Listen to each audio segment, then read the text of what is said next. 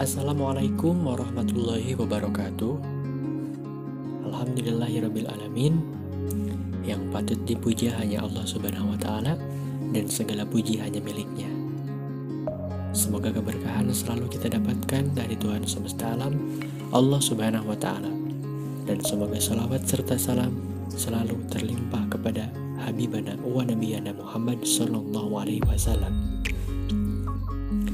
Halo sahabat, selamat bergabung kembali bersama kami dan salam jumpa dari kelompok 4 yaitu A3FG Di mana pada pertemuan pertama kami membahas tentang implementasi pendekatan partisipasi dan pemberdayaan. Sekarang kita akan membahas tentang communication plan atau rencana komunikasi.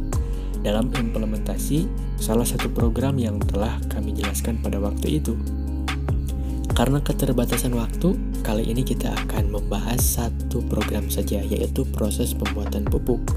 Jika pada pertemuan pertama membahas tentang implementasi dari program tersebut, sekarang kita akan membahas tentang rancangan komunikasi apa dalam implementasi program pembuatan pupuk organik di Desa Boyolali. Seperti biasa, saya Gilang Septian akan menjadi moderator pada pertemuan kali ini. Dan tidak lupa, ada rekan saya yang akan menjadi pemateri. Orang-orangnya masih sama, yaitu ada Ardi Alwasi, Anissa Purnamasari, Alvina Ardianti Amadiksa Putri, dan Fitriani. Untuk mengefisienkan waktu, mari kita mulai membahas tentang communication plan dalam implementasi program pembuatan pupuk organik. Ada banyak yang akan kami sampaikan Tolong disimak dengan seksama dan semoga menjadi ilmu yang bermanfaat bagi kita semua. Baik yang akan menjadi pemateri pertama kali ini yaitu ada Anissa Purnamasari. Kira-kira apa yang akan Anissa bahas? Mari kita simak bersama-sama. Silahkan Anissa.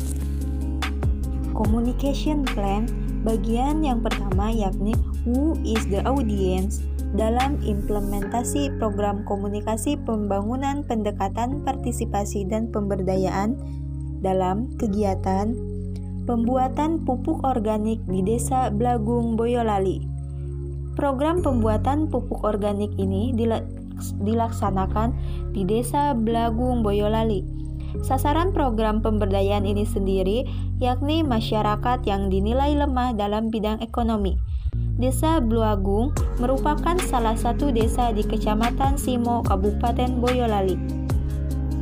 Wow, pembahasan pertama yang sangat menarik, yaitu membahas tentang siapa yang menjadi sasaran.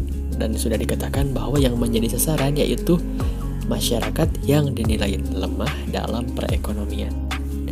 Sangat menarik, mari kita lanjutkan. Siapa yang akan menjadi pemateri kedua? Mari kita simak, silahkan pemateri kedua. Selanjutnya, dalam communication plan sebagian kedua, what are you saying? Kami membicarakan tentang program pemberdayaan melalui pembuatan pupuk organik yang dilaksanakan di Desa Blanggu, Boyolali. Desa Blanggu mempunyai luas tanah 3.639.540 hektar terdiri dari lahan pemukiman, pertanian, dan perkebunan. Salah satu program yang ada di Desa Blanggu adalah program pemberdayaan melalui pembuatan pupuk organik ini. Program ini bertujuan untuk memandirikan, memberdayakan masyarakat sehingga masyarakat dapat memanfaatkan kotoran hewan ternak yang dimiliki oleh para masyarakat By the way, kalian tahu nggak apa itu pupuk organik? Pupuk organik adalah pupuk yang tersusun dari materi makhluk hidup seperti pelapukan sisa-sisa tanaman, hewan, dan manusia. Pupuk organik berbentuk padat atau cair yang digunakan untuk memperbaiki sifat fisik kimia dan biologi tanah. Pupuk organik mengandung banyak bahan organik daripada kadar haranya. Dan itu bagus untuk tanaman. Terima kasih. Oh, ternyata ada rekan saya yaitu Ardi Alwasi yang menjelaskan tentang program apa yang dibicarakan, yaitu bertujuan untuk memandirikan, memberdayakan masyarakat sehingga bisa memanfaatkan sumber daya yang dimiliki khususnya dalam pembuatan pupuk ini. Kemudian ada ilmu yang dapat kita cerna yaitu tentang apa itu yang dimaksud dengan pupuk organik. Terima kasih Ardi. Selanjutnya pemateri ketiga. Ada siapa di sana? Mari kita simak. Silakan pemateri ketiga. Dalam communication plan bagian ketiga yaitu how are you saying it berdasarkan hasil penelitian dan pembahasan yang diperoleh melalui data hasil penelitian tentang partisipasi masyarakat dalam pemberdayaan melalui pembuatan pupuk organik di Desa Blagung, maka pelaksanaan program kegiatan tersebut antara lain 1. Kegiatan sosialisasi memperkenalkan program kegiatan yang ada di Desa Blagung. Yang kedua, kegiatan pembelajaran mentransfer ilmu tentang pengelolaan limbah kotoran hewan menjadi pupuk organik. Yang ketiga, kegiatan pengalihan penggunaan pupuk kimia menjadi pupuk organik yang dilakukan oleh pengelola untuk menarik perhatian masyarakat, khususnya masyarakat tani untuk beralih menggunakan pupuk organik. Yang keempat, kegiatan produksi, mengelola, dan memproduksi limbah kotoran menjadi pupuk organik yang dapat dimanfaatkan oleh masyarakat. Dan yang terakhir, kegiatan pemasaran untuk memasarkan hasil produksi pupuk organik yang telah diproduksi ke berbagai masyarakat. Wah, ternyata ada Alvina yang menjelaskan tentang bagaimana hal apa yang dibicarakan dalam pelaksanaan pembuatan pupuk organik mulai dari launching, sosialisasi, pembelajaran hingga tahapan-tahapan selanjutnya. Baik, terima kasih Alvina. Selanjutnya, kita akan bertemu dengan siapa? Silakan pemateri keempat. Bagian yang keempat dari communication plan yakni is saying it dalam kegiatan pembuatan pupuk organik di Desa Blagung Boyolali. Awal mulanya, pemberdayaan pembuatan pupuk organik ini dikelola oleh TBM atau Tempat Belajar Masyarakat yang merupakan salah satu program RBM ruang belajar masyarakat yang dimiliki oleh PNPM.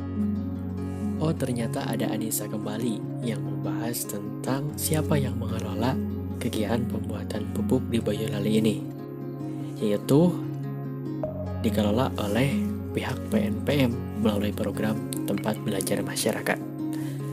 Baik, selanjutnya kita masuk ke materi terakhir sepertinya sudah tidak salah bahwa yang akan menjadi pemateri terakhir yaitu ada Fitriani. Silahkan Fitri. Bagian 5 dalam communication plan, when are you saying it?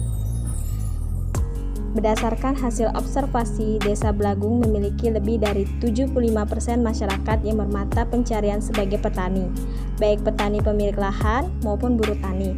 Akan tetapi, pengelolaan lahan pertanian maupun perkebunan oleh masyarakat dirasa masih kurang maksimal. Hal tersebut dilihat dari perolehan hasil pertanian yang kurang maksimal dan belum dapat memenuhi perekonomian masyarakat. Oleh karena itu, diperlukan adanya program pemberdayaan yang dapat membantu masyarakat untuk meningkatkan hasil pertanian sehingga akan berdampak pada peningkatan penghasilan yang diperoleh masyarakat. Program pemberdayaan yang ada di Desa Belagung ialah program pemberdayaan pembuatan pupuk organik.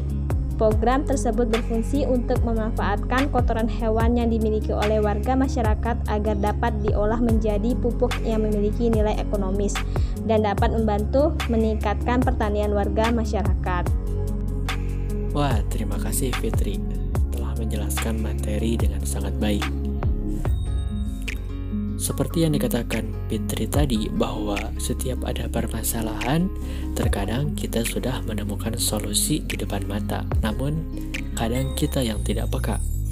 Sama halnya bahwa beberapa masyarakat yang merasa bahwa perekonomiannya masih rendah, adapun banyak kendala di pengelolaan sektor pertanian dan ada solusi yang bisa dilakukan yaitu salah satunya membuat pupuk organik. Dan solusi itu dijalankan sedemikian rupa dan akhirnya menjadi solusi terbaik untuk memaksimalkan sumber daya yang dimiliki. Tentunya untuk kesejahteraan para petani di Boyolali. Dengan memanfaatkan limbah kotoran untuk dijadikan pupuk yang menjadi nilai ekonomi serta menunjang kesejahteraan bagi masyarakat.